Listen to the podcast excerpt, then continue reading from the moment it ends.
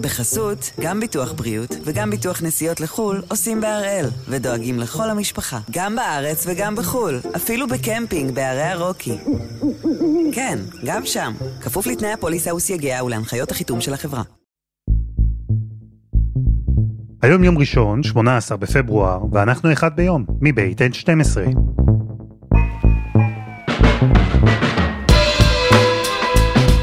אני אלעד שמחיוף ואנחנו כאן כדי להבין טוב יותר מה קורה סביבנו, סיפור אחד ביום, בכל יום.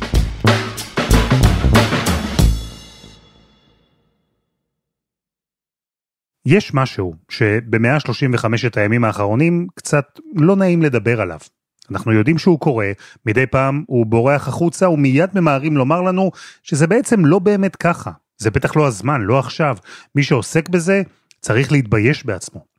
ואז רבים מאלו שאמרו ונזפו, חוזרים לעסוק בדבר הזה, שזה לא הזמן לעסוק בו.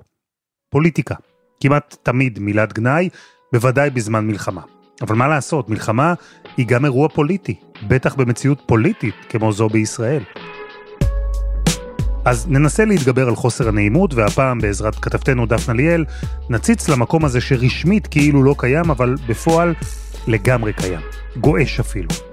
הפוליטיקה שעושים הפוליטיקאים בזמן המלחמה.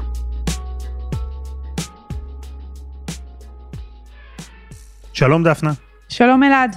אני שואל אותך בתור uh, כתבת פוליטית, כמה זמן אחרי 7 באוקטובר, אחרי שפרצה המלחמה, אחרי שכבר היה ברור שאנחנו באירוע צבאי מז'ורי, כמה זמן אחרי זה נכנס הממד הפוליטי? כלומר, מתי מצאת את עצמך מקבלת טלפונים שיש להם אה, אופי פוליטי? ממש תוך ימים בודדים. זאת אומרת, בשבעה באוקטובר, מהרגע שפרצה המלחמה, אפשר לומר שפרץ גם קרב ההישרדות הפוליטי.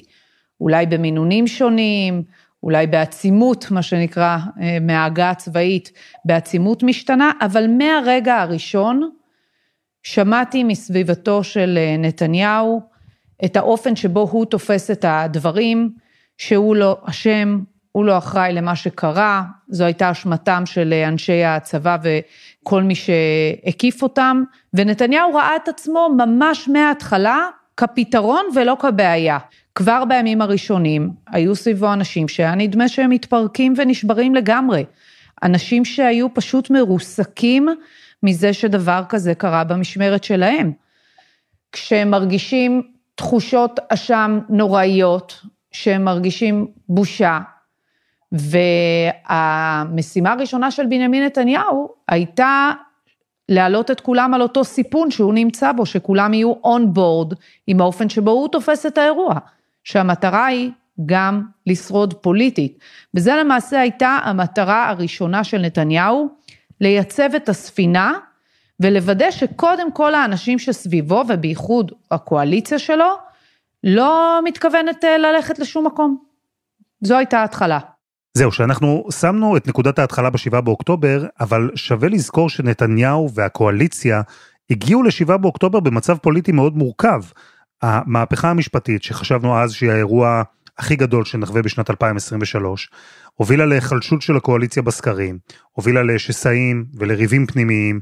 עד כמה הדבר הזה, עד כמה העבר הזה נכח אחרי שבעה באוקטובר, עד כמה זה השפיע על התגובה שראינו במערכת הפוליטית? תראה, מצד אחד נתניהו מבין שהוא מתחיל ממינוס, לא מאפס אלא ממינוס, כי המצב שלו לא היה טוב מלכתחילה. מצד שני, אני חושבת שהוא רואה בזה גם הזדמנות, כי הנה, יש על מי להפנות ולגלגל את האשם.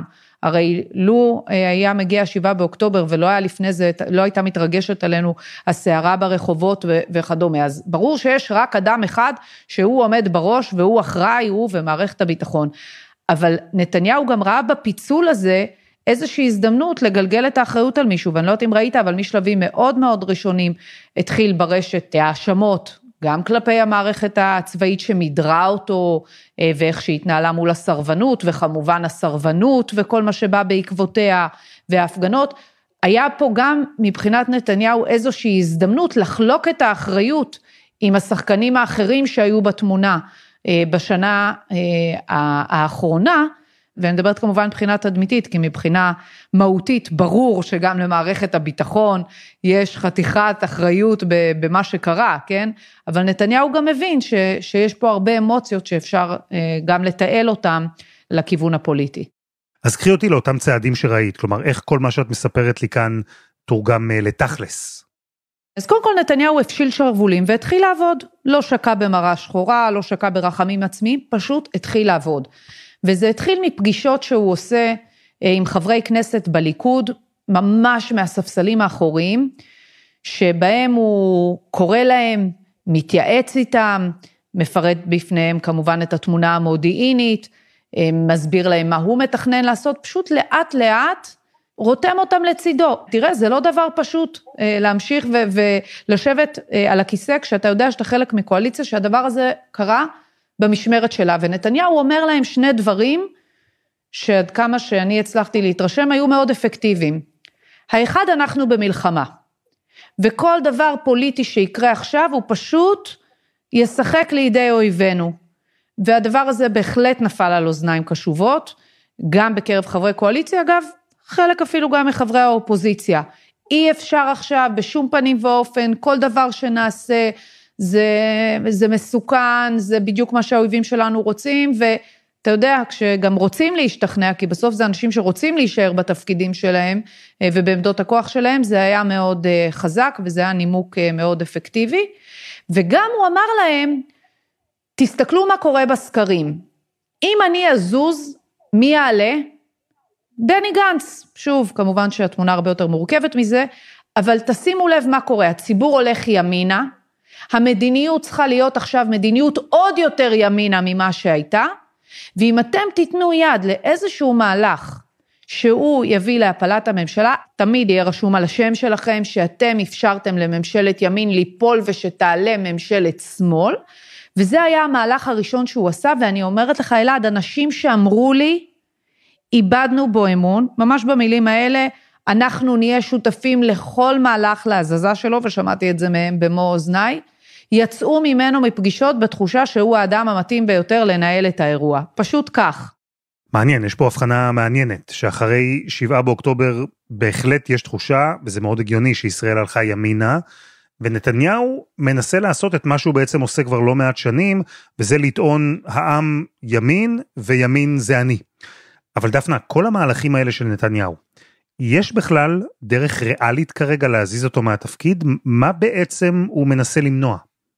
אז קודם כל בוא נבין מול מה התייצב בנימין נתניהו, וזה הזמן לומר ולומר ביושר שהוא לא היחיד שעשה פוליטיקה מהרגע הראשון.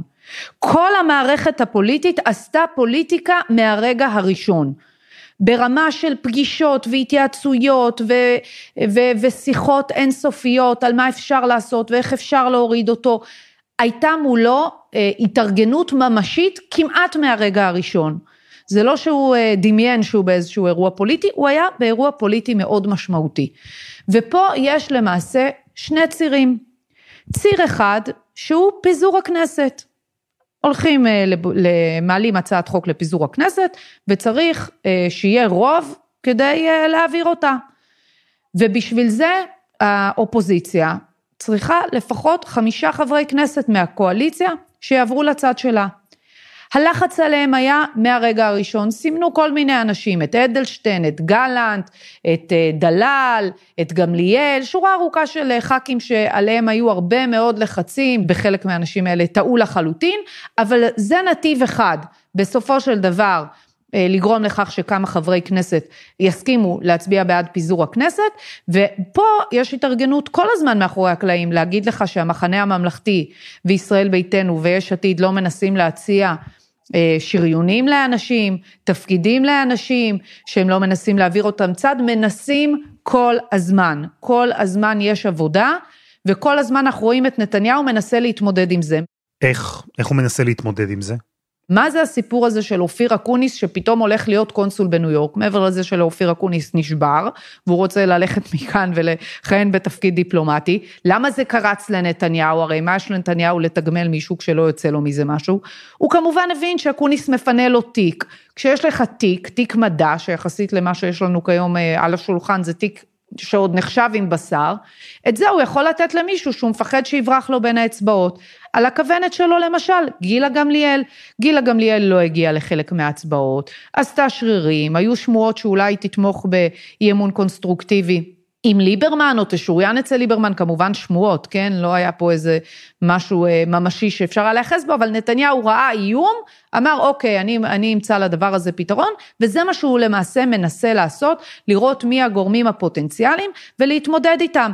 עלתה בהתחלה מחשבה שלמשל הוא יוביל לפריימריז מהירים, ויעגן שוב את המעמד שלו כיושב ראש התנועה, הדבר הזה היה כרוך כנראה גם בפריימריז לרשימה, ונתניהו הבין מהר מאוד, שהדבר הזה יהיה בעוכריו, כי כל האנשים האחרים שיש להם אינטרס למרוד בו, כמו אדלשטיין, כמו גלנט, אה, כמו ברקת, אה, אנשים מהסוג הזה, לא יעשו את זה עכשיו כי הם רוצים לרשת אותו, אז למה שהם ילכו עם לפיד ועם גנץ לפירוק של הממשלה? נתניהו למעשה הבין שאותם הוא צריך אה, לתחזק ממקום אחר, להשאיר להם את התקווה שאולי יום אחד הם יבואו והם יהיו מנהיגי הימין. אז בטח הם לא יוכלו ללכת עם השמאל. לכל אחד הוא מין מצא את, ה, את מערכת התמריצים שתשאיר אותו אה, בקואליציה בצורה יציבה. זה האיום של הפיזור. כרגע הוא הצליח לבלום את כל המהלכים האלה. חסות אחת, וממש מיד חוזרים.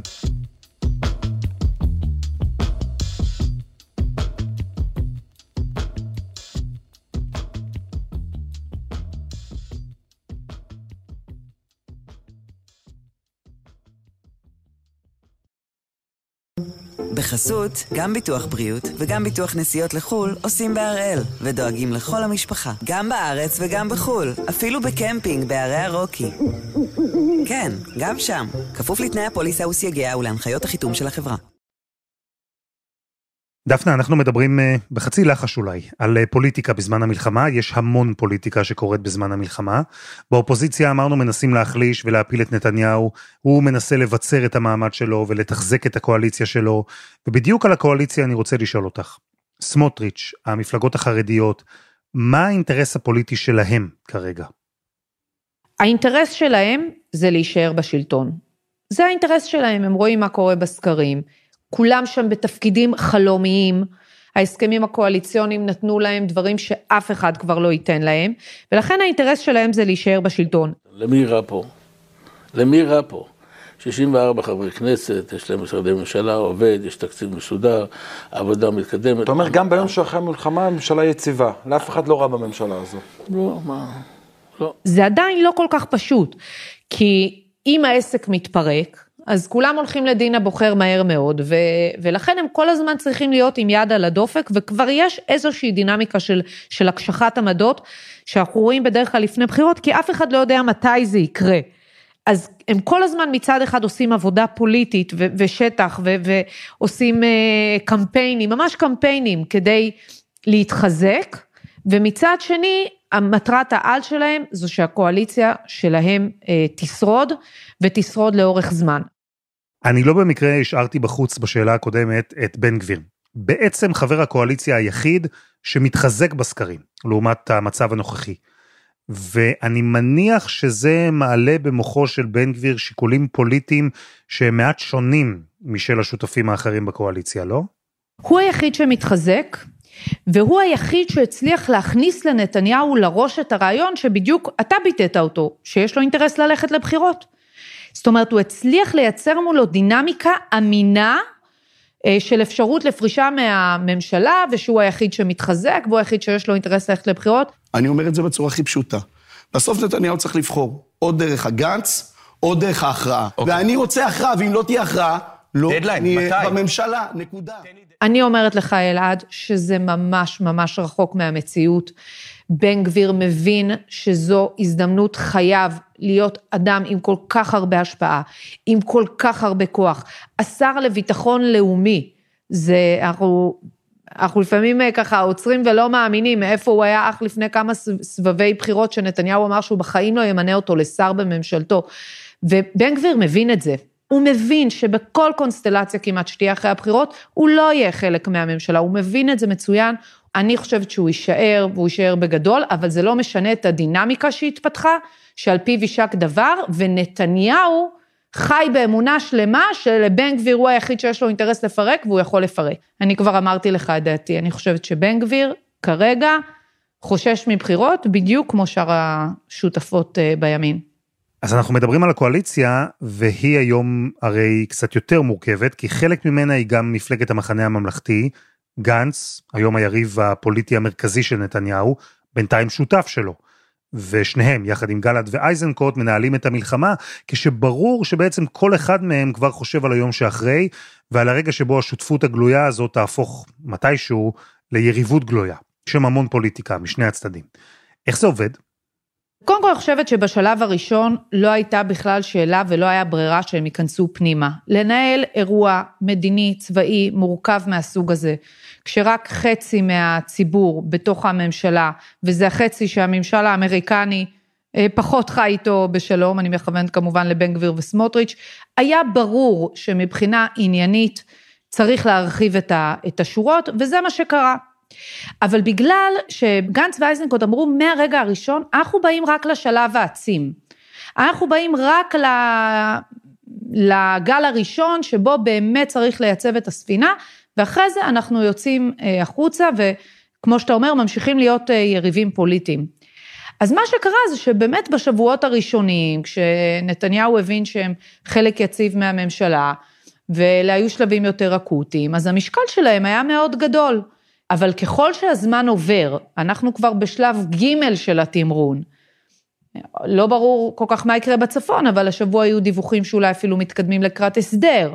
זאת אומרת, יכול להיות שסוף השותפות כבר מעבר לפינה, אז המשקל של בן גביר וסמוטריץ' עולה בהתמדה, בגלל שנתניהו חייב לתחזק את אותם 64 מנדטים שדיברנו עליהם מההתחלה, שהוא מבין מצוין שהם המפתח שלו להישרדות, כי טכנית הוא כבר יכל להכניס את אה, לפיד, אפילו את ליברמן, אבל הוא לא סומך עליהם, הוא חושב שאלה אנשים שיעקצו אותו בהזדמנות הראשונה, על בן גביר ועל סמוטריץ' הוא סומך, ולכן ההשפעה שלהם הולכת וגוברת. עכשיו הדבר הזה יוצר חיכוך מתמיד, ממדרים, לא הולכים בקו של גנץ ואייזנקוט, אה, לא, לא מעדכנים אותם בדברים מסוימים, והחיכוך הזה אה, הולך ויוצר תחושות פחות ופחות טובות לגבי השותפות, ועדיין גנץ ואייזנקוט לא רוצים לצאת כרגע. בשורה התחתונה, שניהם עדיין מנסים למצות את השותפות הזאת, זה גם משתלם להם אלקטורלית, אבל גם הם עוד מנסים לראות אם בכל זאת הם יכולים להשפיע, יכולים להוביל לכיוון שהם רוצים, והם גם חוששים מהסיבובים שיעשו עליהם. אם הם יעזבו, אם, אה, אם פתאום תושג עסקה מצוינת, אז אה, יבואו ויגידו, אה, אתם רואים, הם לא רצו, הם כן רצו, אני חושבת שיש שם גם לא מעט חששות. אבל אין ספק שרגע הפירוק הולך, אה, הולך וקרב, וצריך לומר, דווקא היציבות הזו של הקואליציה של נתניהו שדיברנו עליה, שזה נראה כרגע שאותם 64 ממשיכים לעוד פרק זמן שיכול להיות ארוך וממושך, הדבר הזה מטריד את גנץ ואייזנקוט להפוך ללא רלוונטיים, אה, להיות חסרי השפעה לאורך זמן, אה, ובמובן הזה זו הצלחה כפולה של נתניהו מבחינה פוליטית. העניין הוא שגם פרישה של גנץ, לא, אה, אוטומטית לפחות, לא תפיל את קואליציית ה-64. יכולות להיות לה אדוות כאלה שיובילו אולי לאיזה שינוי פוליטי, אבל לפחות לפי המתמטיקה, קואליציה תהיה. אבל אני לוקח את המאמצים של האופוזיציה לרתום חברי קואליציה שיעברו צעד, אני לוקח את זה שבן גביר הוא לא צפוי, אני לוקח אולי אפילו לחץ ציבורי וסקרים, וגם אפשרות שפרישה פוטנציאלית של גנץ תעשה משהו. יש במערכת הפוליטית איזו היערכות לתרחיש שבו הקואליציה תתפרק? גם כאן נתניהו חושב קדימה. נתניהו כבר נערך לאפשרות שמחר בבוקר, עוד חודש, עוד חודשיים, העסק מתפרק. ואני יכולה לספר לך אלעד שהוא עושה הרבה מאוד מהלכים מאחורי הקלעים. גם לנסות למשוך דמויות חדשות לליכוד, הסקרים מראים שיש הרבה אנשים שעזבו את הליכוד עכשיו לא בגלל נתניהו, אלא בגלל ההרכב של הליכוד, החומר האנושי של חלק מחברי הכנסת, ההתנהלות של חלק מחברי הכנסת, ונתניהו נחוש להציג פנים חדשות, כי הקהל נע ימינה, אבל הדבר הזה עוד לא מתרגם במערכת הסקרים, וגם אם כן, אז אולי הם ילכו לבנט, אולי הם ילכו ליוסי כהן, ונתניהו מבין שיש לו הזדמנות, הוא מאוד מנסה להנדס איזושהי מפלגת ימין, שתצליח למשוך את האנשים האלה, וביום שאחרי הבחירות תקים איתו ממשלה. זאת אומרת שהיא תיראה פרש והיא תיראה אחרת והיא לא תהיה מזוהה עם השבעה באוקטובר, אבל היא כן תהיה פתוחה לשיתוף פעולה איתו. כך שאם הוא יביא יותר מנדטים ממנה, הוא יוכל להרכיב. נתניהו כל הזמן חושב איך הוא שורד את האירוע, איך הוא מהנדס אותו בצורה שתהיה נוחה לו, איך הוא בכל זאת יוצא מהאירוע הזה על שתי רגליים, וכל מה שאמרתי לך עכשיו אלעד, הוא רק בתחום הקונסטרוקציות הפוליטיות. נתניהו כמובן גם עובד כדי להציג הישגים מדיניים, הישגים צבאיים, אני חושבת שהוא מבין שעם כל הכבוד למשחקים האלה שאנחנו מדברים עליהם, והם חשובים, אני חושבת שכבר הבנת שהם גם אפקטיביים, הוא עדיין יצטרך בסוף לבוא לבוחר הישראלי עם איזשהו הישג משמעותי, וכאן אנחנו ממשיכים לראות אותו עובד בשני כיוונים. האחד הוא במישור יותר של אה, הצבאי, ואולי הישגים מדיניים, כמו הנורמליזציה, אני חושבת שיהיה לו מאוד קשה בהרכב הקואליציוני הזה, אבל הוא עובד בהמון המון כיוונים, גם כדי להביא הישגים שיאפשרו לו לבנות מחדש את האמון מול הקהל שלו. אז תגידי דפנה, ואני לא מבקש ממך כאן אה, להמר או לנבא, אלא רק להעריך. יש לנתניהו סיכוי לעמוד מול כל הלחצים, מול כל האתגרים, האינטרסים הסותרים, הפוליטיקה של הצדדים האחרים. יש לו סיכוי לשרוד פוליטית? קודם כל נתניהו מאוד נחוש, הוא פועל בהרבה מאוד כיוונים, אה, ואני חושבת שמוקדם להספיד אותו. אה, בהתחלה זה היה נראה כאילו באמת תם הטקס ועוד ובהזדמנות הראשונה הוא ילך הביתה, זה לא המצב כרגע. אני מזכירה לכם שיש לו גם הליך משפטי, אה, יש גם את עניין עסקת הטיעון ברקע, שלא ברור מתי ואם הדבר הזה יבשיל. אבל אני כן חושבת אה, שהאתגר הגדול של נתניהו הוא, הוא סיפור האמון. בסוף, בסוף, בין מנהיג לבין בוחרים, יש מערכת יחסים, והמערכת הזאת בכל זאת בנויה על אמון. ונתניהו שהיה מר הביטחון, ואנשים היו מוכנים להשלים עם הרבה מאוד פגמים שלו ובעיות ובעיות ניהול וכל מיני אי סדרים שלו, לא כולם ראו בעין יפה, היו מוכנים להשלים עם זה בגלל הניסיון המדיני והביטחוני שהוא מביא לשולחן, והתחושה שהוא בכל זאת הטוב ביותר לנהל את זה, עבור הרבה אנשים האמון הזה נשבר. האם הדבר הזה הוא בר השיקום? אני לא בטוחה. וגם במובן הזה של הסנטימנט הציבורי שחלק גדול ממה שקרה לנו, קרה לנו בגלל שהיינו מפולגים. ואם יש דמות שעולה לך בראש, אתה מדבר על, אה, על פילוג, אז אתה מדבר על הדמות של בנימין נתניהו, שממש מחלקת את החברה הישראלית. אני חושבת שזה עוד דבר שלנתניהו יהיה מאוד קשה להתמודד איתו, אני לא בטוחה שזה ימשיך להיות חשוב לציבור הישראלי באותה רמה שהוא חש את זה כרגע עוד חצי שנה או עוד שנה, יכול להיות שהסנטימנט הזה יתפוגג, אבל כל עוד זה סנטימנט חזק, שגורם לאנשים ממש אה, לבחור על פיו בקלפי, נתניהו יהיה בבעיה גדולה, כי במובן הזה אני חושבת שיהיה לו מאוד מאוד קשה להמציא את עצמו מחדש. דפנה ליאל, תודה. תודה רבה, אלעד. וזה היה אחד ביום של N12. אנחנו מחכים לכם בקבוצה שלנו בפייסבוק, חפשו אחד ביום, הפודקאסט היומי. העורך שלנו רום אטיק, תחקיר והפקה דני נודלמן, שירה הראל ועדי חצרוני. על הסאונד מור הרטוב, יאיר בשן יצר את מוזיקת הפתיחה שלנו, אני אלעד שמחיוף, אנחנו נהיה כאן גם מחר.